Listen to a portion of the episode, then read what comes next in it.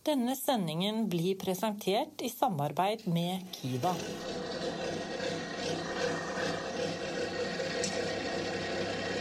Arbeidsledigheten har gått rette værs. Hva skjer når ei bedrift må permittere?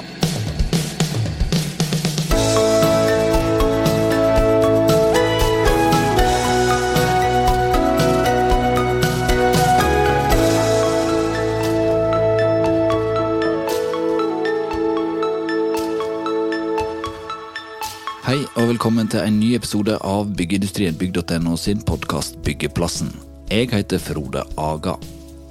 Som alle har fått med seg, så er norsk arbeidsliv snudd totalt på hodet de siste ukene.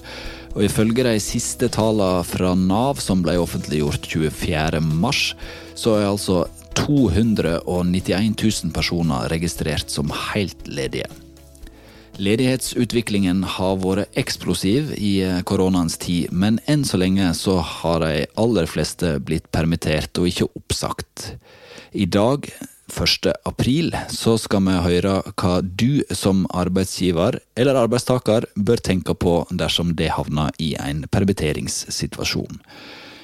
For å forklare oss litt nærmere om både regelverk og de praktiske detaljene rundt dette, så kommer vi til å ringe opp to gjester i dag. Den ene er avdelingsdirektør i NHO, Margrethe Meder, og den andre er LO-advokat Lunds Nagelhus.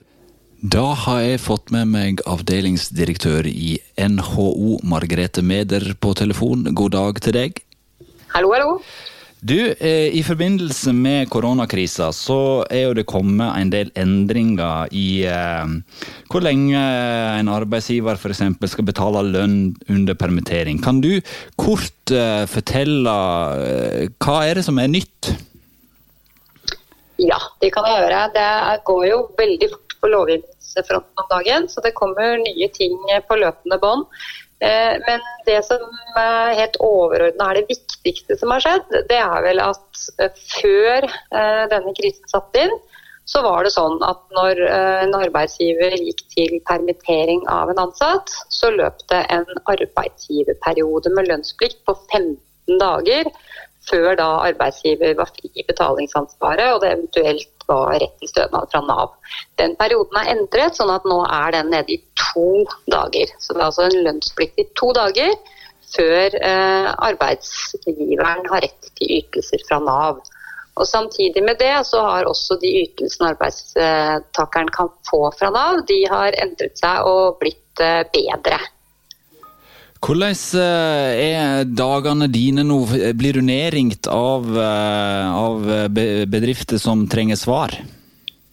Vi får mange henvendelser, og det er veldig bra. Det er utrolig flott at medlemsmassen velger å bruke NHO og stille oss spørsmål når de lurer på hvordan de skal gå fra. Sånn at det blir så riktig som det kan få blitt, og at vi er der for å hjelpe dem.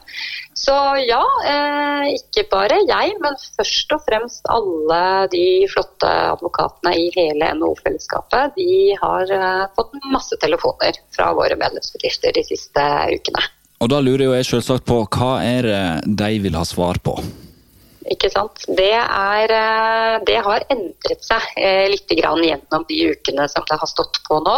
I den spede begynnelse, for å si det sånn, så fikk vi mye, sånn, mye spørsmål knyttet til ja, men hvor langt kan man gå med å nekte folk å, å, dra på ferie til Italia. Altså Spørsmål som er helt uaktuelle i dag. Eh, hvor langt kan man gå i å pålegge folk hjemme, kontor, ulike smitteverntiltak, stenge treningsrom og den type ting. Spørsmål som ingen engang finner på å stille. Eh, så har det gått veldig mye over, dessverre, i spørsmål knyttet til permitteringer. Kan vi permittere, med hvilken frist kan vi permittere, hvordan går vi fram, hvilke ytelser kommer fra Nav og den type ting. Og som jeg sa innledningsvis, så skjer det jo veldig mye fra lovgiver og fra, fra regjering. Og det kan være vanskelig å henge med i svingene på alt som skjer. Derfor så får vi også mye spørsmål i hva er det egentlig som gjelder nå. Når trer det i kraft? Hva gjelder for meg før eller etter den og den datoen osv. Ja, nå skriver vi da 1. april. Dette har endra seg hele tid, sier du. Det kan være greit for lytteren hvis han hører på dette om ei ukes tid, å vite. Hva er det som gjelder 1. april? hva som gjelder av Tenker du på pågående spørsmål eller regelverk? Hva er det som gjelder av regelverk der? Hva er det viktigste en arbeidsgiver må forholde seg til? Det er nok fremdeles det jeg sa innledningsvis om at arbeidsgiverperioden er mye kortere enn den var. Eh, så har vi jo også fått endringer i regelverk knyttet til retten til å være hjemme med barn når eh, skole og barnehage osv. er stengt. Eh, der er den retten utvidet, den er doblet. Men samtidig så har ikke arbeidsgiver mer enn tre dagers betalingsplikt for den type fravær fra arbeidsplassen. Og det er jo en endring i forhold til tidligere. Eh, det gjelder både sykefravær og det gjelder fravær som følge av at må passe barn. Og dette med sykefravær det skaper en del utfordringer, for man er ikke nødvendigvis syk selv om man er hjemme og sitter i karantene.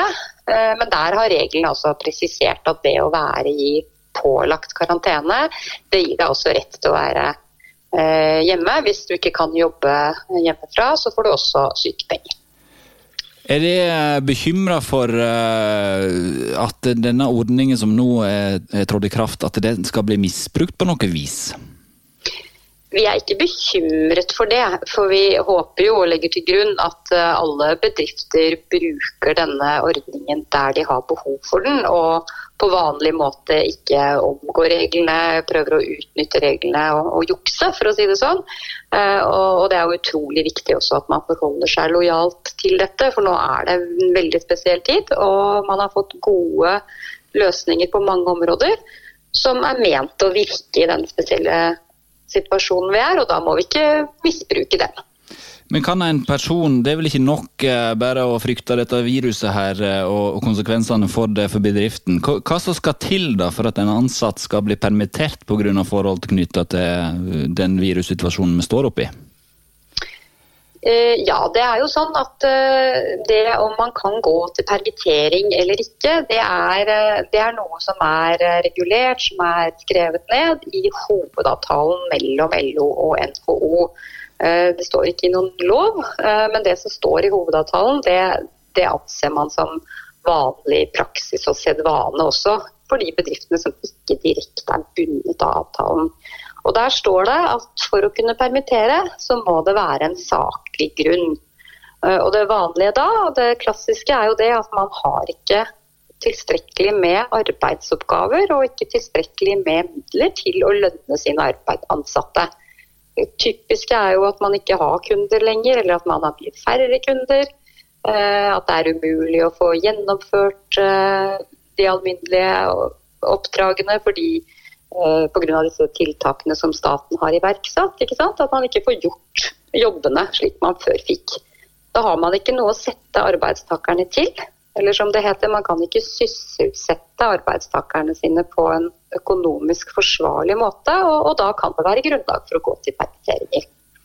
Men hva skjer da hvis uh, dette her bildet endrer seg dag for dag, og det gjør det sikkert jeg, oppdragsmengden til, til, en del bedrifter der ute òg. Uh, eh, hva skjer hvis du har permittert en person, uh, og så kommer det likevel et nytt oppdrag, og så har du hvordan gjør du det praktisk med, med varslinger og sånne ting? Det, det, kan, det, kan, være litt forskjellige situasjoner. For det første så er det jo viktig å si at det om det er en saklig grunn til permittering, det er jo noe man må vurdere løpende. Så sett at det var en saklig grunn i, i, midten av mars, så er det jo ikke sikkert det er det i midten av april. Da kan forholdene ha endret seg, og da, da må man uh, oppheve permitteringen. Eh, mer praktisk er det kanskje at man ser at man får et midlertidig behov. Man får en liten luke eller et lite oppdrag som gjør at du trenger folk allikevel. Eh, og da er det anledning til å ta arbeidstakerne inn i et kortvarig oppdrag på maksimalt seks uker. Det er også regulert i hovedavtalen. Og hvis man gjør det, så så behøver man ikke å verken avslutte eller sette i gang permitteringen på nytt. Da tar man vedkommende inn, og så jobber han eller hun, og så er man tilbake i permittering. Så da, Men da skal man selvfølgelig ha lønn og ikke, ikke dagpenger. Ja, Så da trenger ikke du sende ut et nytt varsel da andre gangen? Nei. Eh, på, på, rent praktisk, når du skal sende ut et varsel, så uh, i disse dager så gjør jeg med alt digitalt. Uh, og sånn er det vel, vel med varsel, og jeg har lest en plass at du kan faktisk sende ut på SMS òg. Er det gyldig? Det står nå i hovedavtalen at varsel skal være skriftlig. Så kan man jo diskutere hva er noe skriftlig i disse tider. Uh, vanligvis så kommer ikke det på spissen, for i, i, de fleste bedrifter så vil man finne en grei løsning med sine tillitsvalgte på dette her. Og er man da enig om at man kan gjøre det på andre måter enn stykke papir, så er det greit. Man kan også slå det på veggen eller den type ting hvis man har en enighet. Men det viktige her er jo at det er det som på fint uh, juridisk heter notorisk. Altså at man kan bevise at man har sendt det ut. Så det er lurt å gjøre dette skriftlig, enten å levere det til den enkelte, eller kanskje i, i visse tilfeller sende det på en e-post. Men da tenker jeg at eh, det må være sånn at arbeidstakeren vanligvis bruker e-post i, jobbsammenheng. Hvis ikke så er det jo lett at dette ikke blir lest og ikke kommer fram. Det er jo veldig vanskelig å vite hvor lenge dette varer. Det kan ingen gi svar på. Og, og da må det være veldig vanskelig å vite bør jeg permittere eller skal jeg si opp folk. Hva råd gir det der til bedrifter som, som står i den skvisen der? Ja, Det har du helt rett i. Det er jo utrolig vanskelig å vite. Eh, sånn som det er nå, så, uh, så, er nok de fleste i den, uh, i den, tro og håp om at dette er en, en forbigående situasjon, hvor man vil komme opp og stå igjen. Og Tenker man det, så er det permittering som gjelder. Hvis det er forbigående midlertidig, så er det veldig vanskelig å spå, som det heter, og særlig om fremtiden. Men en viss dose optimisme, det, det er det greit for bedriftene å ha. og tenke at dette her kommer vi oss gjennom, og, og på et eller annet tidspunkt har vi har vi oppgaver tilbake. Eh, derimot hvis du ser at nei, det her går ikke, jeg eh, kommer aldri til å kunne drifte med, med samme intensitet med så mange mennesker, denne delen av virksomheten min osv., ja, da er det mer definitivt. Og, og, da er vi over en situasjon hvor du, hvor du rett og slett er nødt til å gå til oppsigelser. Og det er jo en eh, jeg sier det, Hvis du er da usikker, så er jo det en fare å, å, å miste verdifull kompetanse. Eh, er det, er det, mange av bedriftene i NHO som nå er redde for å miste verdifull kompetanse? Det er jo alltid en ugrei situasjon å stå i fare for å gjøre det. Sånn som så langt så har ikke vi inntrykk av at veldig mange har gått til det skrittet og, og, i hvert fall si opp mange. Vi har absolutt det inntrykket at det er permitteringer eh, bedriftene har valgt uh, inntil videre. Og en sånn tommelfingerregel så tenker man jo gjerne at du bør i hvert fall ha et sånn seksmånedersperspektiv. At det ikke varer lenger enn det, og at du da kan permittere. Vi har fått inn noen spørsmål eh, fra våre lyttere i forkant av denne sendingen her. Og en av de tingene som går igjen, er hva med EØS og den eh, biten der? F.eks. hvis du har noen som sitter i heimlandet sitt, enten i karantene da, eller som ikke kommer seg ut av landet for å kunne jobbe i Norge. Har de, ja, har de krav på dagpenger på samme måte? Um, skal jeg være litt forsiktig med å si for mye detaljert om dagpengeregelverket, for det er det andre som kan bedre enn meg, og spesielt når vi kommer og, og utover Norges grenser. Men uh, som utgangspunkt så er det jo sånn at du, har du jobbet i Norge og er medlem i, i den norske trygden, for å si det sånn, uh, så har du rettigheter etter dagpengeregelverket. Da tror jeg vi sier tusen takk til deg, Margrethe, for uh, denne innføringen her for, fra arbeidsgiversida. Uh, og så skal vi prøve å få noen arbeidstakersvar fra LO uh, og Lons Nagelhus her litt ut i sendingen òg. Så tusen takk for at du ble med oss her i Byggeplassen. Tusen takk skal du ha. Vi tar en liten pause for å få et par ord fra våre samarbeidspartnere. Det krever tillit å bygge Norge. Kiva hjelper deg med å innfri forventninger til kvalitet og sikkerhet.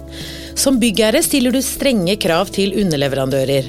Kiva bistår med kvalitetsheving av bygg, også utover de obligatoriske kravene. Gjennom hele byggeprosessen verifiserer og sikrer vi at prosjektene har den kvaliteten du forventer. Kiva, din leverandør av testing, inspeksjon, sertifisering og kurs. Se mer på kiva.no. Og da er vi tilbake på byggeplassen. Vår neste gjest i eh, byggeplassen er LO-advokat Lons Nagelhus. Og hva er det LO sine medlemmer først og fremst lurer på i dag når det gjelder permittering? Ja, arbeidstakerne har et stort informasjonsbehov i sånne tider som det er nå. Eh, det gjelder både om egne rettigheter. Eh, det med inntekt og lønn er noe av det viktigste for oss alle. Og når eh, disse tidene som vi er inne i nå, skaper usikkerhet omkring framtida, så blir informasjonsbehovet desto større. Det er veldig bra at sånn som fagpressen, sånn som dere er en del av, gir god informasjon. Og vi har også en egen Facebook-tråd hvor vi har hatt nærmest døgnåpent, hvor vi har svart på, på, konkrete spørsmål fra LO sine medlemmer. Og det går jo på mye Det er jo visse bolker med spørsmål som utpeker seg. Det er dette med varslingsfrist og permitteringspenger, omsorgspenger, hvor lenge er man sikra full lønn og den type ting. Så det er vel, det, det er vel de to store usikkerhetsmomentene som er, er per i dag. Det er hvor farlig er dette viruset, og hva skjer med egen økonomi og samfunnsøkonomi òg. Du sier jo her at det er et eh, stort informasjonsbehov der ute. og Da har jo arbeidsgiver òg eh, et ansvar til å informere sine ansatte. Hvordan skal en permittert bli fulgt opp av sin eh, arbeidsgiver i disse dager? Ja, det er viktig med god dialog og informasjon i forkant og underveis av enhver permittering. Der i tariffbundne virksomheter så er jo arbeidsgiver litt bedre stilt, for det er jo flere kanaler for informasjon. Så Tillitsvalgsapparatet gjør jo en, en, stor og god jobb med å informere sine medlemmer. Men det er arbeidsgiver som først og fremst har informasjonsansvaret. Og Arbeidsforholdet og arbeidsgiverforpliktelsen den består jo både i forkant og gjennom hele permitteringsperioden. Og Det må tas på alvor overfor den enkelte arbeidstaker, også når det gjelder informasjon. Fordi Mangelen på informasjon og mangelen på kunnskap den gir den usikkerheten som vi ikke ønsker å ha. Så I sånne situasjoner så er det alltid bedre med for mye informasjon enn for lite informasjon. Og Informasjonen bør være så konkret som mulig. Det folk er opptatt av, er jo hvordan går det med egen inntekt. Hvor lenge skal, tror man at permitteringen må vare? Hva skal til for at man kommer tilbake på jobb? Og hvordan er fremtidsutsiktene både med hensyn til sysselsetting og, og bedriftens situasjon? Så det er sånn, Ha god informasjon og forutsigbar informasjon, og gjerne sende ut uh, ukentlige eller daglige små informasjonssnutter. Det, det er sånn som jeg tenker om det, i hvert fall. Ja, og jeg tenker det du var inne på der, at hvor lenge varer en, denne permitteringen? Det er nok eh, sentralt for mange arbeidstakere nå i dag. Og hvor lenge kan en egentlig være permittert før at en må gjøre andre grep? Ja, eh, regelverket per i dag sier at du kan være permittert 26 uker i løpet av en 18 måneders periode. Så hvis man ikke har vært permittert det siste året, så har man 26 uker fremfor seg som er mulig da å, ha, å være permittert og motta dagpenger, og la dermed også ansettelsesforholdet bestå. Eh, men dette området her sånn er jo i konstant utvikling, og flere har tatt til orde allerede for at permitteringsperioden må utvides til 52 uker. Så, og Det ser vi ikke bort fra. Er, men per nå så er det 26 uker, 6 måneder, som gjelder. Eh, nå hører jeg vi eh, meldinger om Nav som eh, sliter med sin eh, kapasitet, og, og eh, at det, at det tar tid. Hvordan, eh, hvor, hvor bekymra er dine medlemmer for at de faktisk får penger på konto, og hvordan hjelper det de med, med å, å, komme i mål? Alle er selvfølgelig bekymra når man får sånne meldinger om at Nav ikke klarer å utbetale det som skulle komme til erstatning for lønn. Eh, for LOs medlemmer, de som er medlem av LO Vadør og har sine, sin bankforbindelse gjennom Sparebank1, så er det etablert et medlemstilbud eh, hvor man da får anledning til å ta opp et lån på gunstige betingelser til erstatning for, for forsinka dagpenger. Eh, videre så er det jo sånn at arbeidsgiver også har mulighet til å forskuttere pengene så de, Det er en rekke arbeidsgivere og bedrifter der ute som har penger, eh, men hvor det da ikke er noe jobb akkurat nå. og da er det jo snakk om at dette er en dugnad, og den må gjelde i alle ledd. Så de arbeidsgiverne som har mulighet til å forskuttere dagpengene fra Nav, bør så avgjort gjøre det. Vi har i byggeindustrien gjort et intervju med Fair Play Oslo og, og lederen der, eh, Lars Mamen, som jobber med useriøse eh, aktører i byggenæringen og avslører kriminelle nettverk og, og, den type ting. Han advarer mot svindel nå i disse dager. Eh, er det noe det i LO har sett noe til svindelforsøk? At en permitterer, men lar de ansatte likevel jobbe? Ja, man må kunne regne med at det alltid er noen som forsøker å utnytte systemene. Eh, når det gjelder disse låneordningene som administreres av bankene, der, de to første pakkene regjeringen satte ut i livet, så har bankene allerede meldt om eh, forsøk på tilsnikelser og omgåelser og, eh, og, den type ting. Og Det må vi også forvente at kommer blant, de, blant det som finnes av useriøse aktører i, i arbeidslivet. Eh, problemet er at der er det ofte uorganiserte virksomheter som verken er medlem i noen arbeidsgiverorganisasjon, og man har ikke noe tillitsvalgte og det er lav organisasjonsgrad.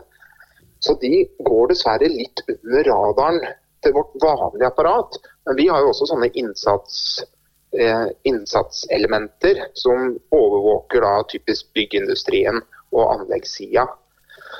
Eh, så I den grad vi klarer å fange opp det, så, så varsler jo vi videre. Og dersom det er organiserte, så står vi parat vi med tillitsvalgsapparatet, forbundene og LO-advokatene til å bistå de medlemmene som utsettes for den type overgrep. Okay, på, på, på, hva, slags måte kan det bistå da eh, i en sånn sak? Eh, hvis det er tale om å bli pålagt å jobbe da, samtidig som man mottar permitteringslønn, så vil jo da eh, det kunne håndteres dels fra myndighetenes side, og dels via da eh, den, den, enkelte ansatte, hvor det da blir et spørsmål om å få, få betalt for de timene man har jobbet. Vi hører jo om sårbare i byggenæringen i denne forbindelsen. og Da eh, blir det ofte snakka om eh, utenlandsk arbeidskraft gjerne som blir utnytta. Eh, hva slags rettigheter f.eks. har en EØS-borger som pendler til og fra Norge når situasjonen er sånn som den er nå?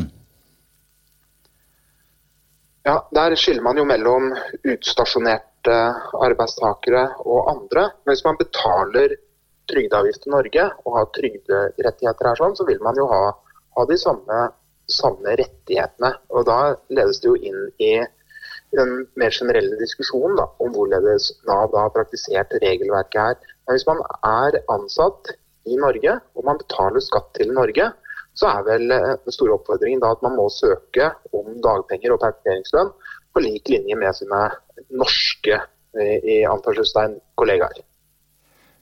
Hva skjer hvis jeg er eh, sjukmeldt, da? Eh, uten at det har noe med koronavirus å gjøre, men bare vanlig sjukmelding. Kan, kan, jeg bli permittert av det allikevel? Ja. Eh, man kan ved utvelgelse av hvem som skal permitteres, så er det disse varslingsfristene som gjelder. Man skal ha skriftlig varsel om det. Ansiennitetsprinsippet gjelder ved utvelgelse av hvem som skal permitteres. og da Hvis man er sykemeldt, men faller inn, under, faller inn på den lista da, over de som skal permitteres, sett hen til ansiennitet og øvrige forhold, ja, da skal man få varsel om permittering. Så, så lenge man er sykemeldt, så beholder man da sykepengene og går på vanlig syketrygd frem til man friskmeldes. Når man friskmeldes, så starter da hvis det skjer i varslingsperioden, så fortsetter jo varslingsperioden da, og man går tilbake på jobb. Når varslingsperioden er ute, eller hvis den allerede har utløpt under sykemeldingen, ja, da begynner den, disse første, første perioden med arbeidsgiverdager på to dager, og deretter den permitteringslønnsdagene, hvor staten betaler full lønn i ytterligere 18 dager, og så går man over på dagpenger når de 20 dagene er brukt opp. Vi hører jo nå, det, det, Du har vært inne på det du òg, at dette er jo et regelverk som endrer seg nå dag for dag, time for time. og eh, Hva er det mm, eh, det råder de permitterte nesten til å bruke tiden sin på? For nå kan det jo åpnes opp for eh, f.eks. utdanning under permitteringsperioden. Eh, er det noe det i LO eh, oppfordrer til? Eh, vi er veldig positive til den endringen som myndighetene besluttet der, ved at det nå uh, gis mulighet til at man kan ta utdanning uten at man uh, mister retten til dagpenger. På den måten får man jo mulighet da, til å bruke permitteringstiden til å få påfyll av ny eller formell kompetanse, hvis man allerede kunne det fra før. Så det er et veldig bra tiltak, og som vi støtter opp under. Uh, fra LO-advokaten så gir vi ikke noen konkrete råd om det der. Eh, eh, det er mer på et overordnet plan, men det er jo alltid fornuftig å bruke tiden til det dersom man har noe, god tid til overs. Veldig mange er jo hjemme med barn og er lærer og gymlærer osv. Det viktigste er jo å få hverdagen til å gå i hop. Og hvis man har noe ekstra tid og overskudd, så selvfølgelig, eh, studer gjerne. Ja, Nå sitter både jeg og du som eh, barnehagelærere og, og eh, lærere og på hvert vårt heimekontor. Så, så, det der kjenner vi alt til. Men det, det blir snakka nå om, om at en trenger kompetanse, eller ikke nødvendigvis kompetanse, fordi at en trenger i andre Eh, yrkesgrupper så er det noe underskudd på arbeidskraft, mens andre må permittere. Og Da snakker en om helsearbeidere, en snakker om bønder. Hva, hva slags muligheter har en permittert bygg- og anleggsarbeider f.eks., hvis han får tilbud om å, å, å ta en jobb i annet, en annen næring? da? Er det lov? Det er fullt ut tillatt. Da vil det skje en samordning. da. Hvis man tar en 50% stilling på et aldershjem eller noe sånt, så, så, vil jo dagpengene bli redusert med en tilsvarende del. Men, men det er jo en vinn-vinn-situasjon, eh, der staten tjener aller mest på det ved at, ved at dagpengeutgiftene går ned. Men arbeidstaker tjener også på det, fordi en del av dagpengegrunnlaget byttes jo da ut med full lønn i den nye stillingen. Og den arbeidstakeren vil jo også opparbeide seg en ny kompetanse som gjør at man har en mye større endringsmulighet dersom det skal komme en skikkelig konjunkturdipp i etterkant av dette her. Slik at man da har et, en, en, bredere horisont å søke, søke seg nye jobber ut fra. Så dette er jo en, man sier jo dette er, også er en mulighet. Eh, det er jo for så vidt det. Først og fremst er det bare eh, kjempekjedelig og en kjempealvorlig situasjon. Men i den grad man kan bedre egen stilling på arbeidsmarkedet, så, så bør man jo ta den dersom forholdene ligger til rette for det. Da har i hvert fall jeg blitt litt eh, klokere i eh, feltet permittering, både sett fra et eh, arbeidsgiver- og et arbeidstakerståsted. Jeg håper det at lytterne våre kjenner litt på det samme. Og tusen takk, Lons, for at du ble med oss her i Byggeplassen. Jo, bare hyggelig. Men jeg tenkte at du sikkert ville ha spurt meg om dette her med 2 og 14 dagers varsel. Ja, men du, da skal du få lov å uh, ta det her på tampen uh, nå. Still spørsmålet til deg sjøl, du.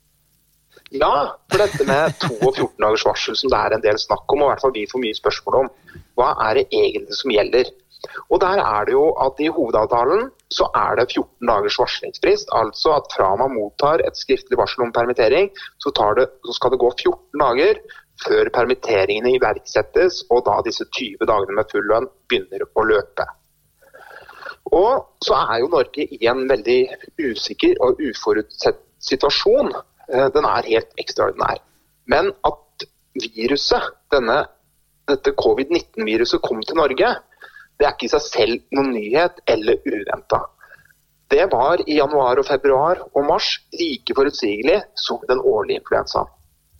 Det var heller ikke totalt uventa at det kunne bli innført mange harde tiltak. Det hadde jo alle vi som har fulgt med på TV i hvert fall, de siste månedene fra Wuhan i Kina, det hadde vi fått med oss. Det kunne ikke utelukkes at det også skulle skje i Norge. Så dersom det skal være tale om en 14-dagersfrist, så må det være noe som rammet plutselig og mer uventa enn selve, selve koronaviruset. Og for en del bedrifter som fikk disse nedstengningsvedtakene fra myndighetene si det mot seg, så var jo det en plutselig og uventa hendelse. F.eks. at frisørsalonger måtte stenge fra den ene dagen til den andre. Men når det gjelder da denne spørsmålet om, to til 14 dager, øh, om det er to eller 14 dagers varslingsfrist som skal gjelde, så må man altså gå inn og vurdere hendelsene konkret, og ikke bare at, gjelder, at et virus har begynt å spre seg i Norge. Det må være virkningene av det viruset som må kvalifisere for den snevre unntaksadgangen, ikke viruset i seg selv.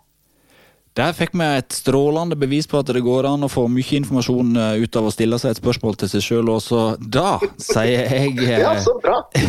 Da sier jeg tusen takk igjen, Egilon Nagelhus, for at du ble med oss på tråden her i Byggeplassen. Takk det samme, Frode. Da gjenstår det bare for meg å si tusen takk for følget. Dersom du ønsker å høre flere podkaster fra Byggeplassen, så gå gjerne inn på bygg.no byggeplassen, eller søk oss opp der du abonnerer eller hører på dine podkaster. Jeg heter Frode Aga, tekniker var Alf Magne Hillestad. Gjestene det var Margrethe Meder og Lons Nagelhus, og vi er snart tilbake med en ny episode av Byggeplassen.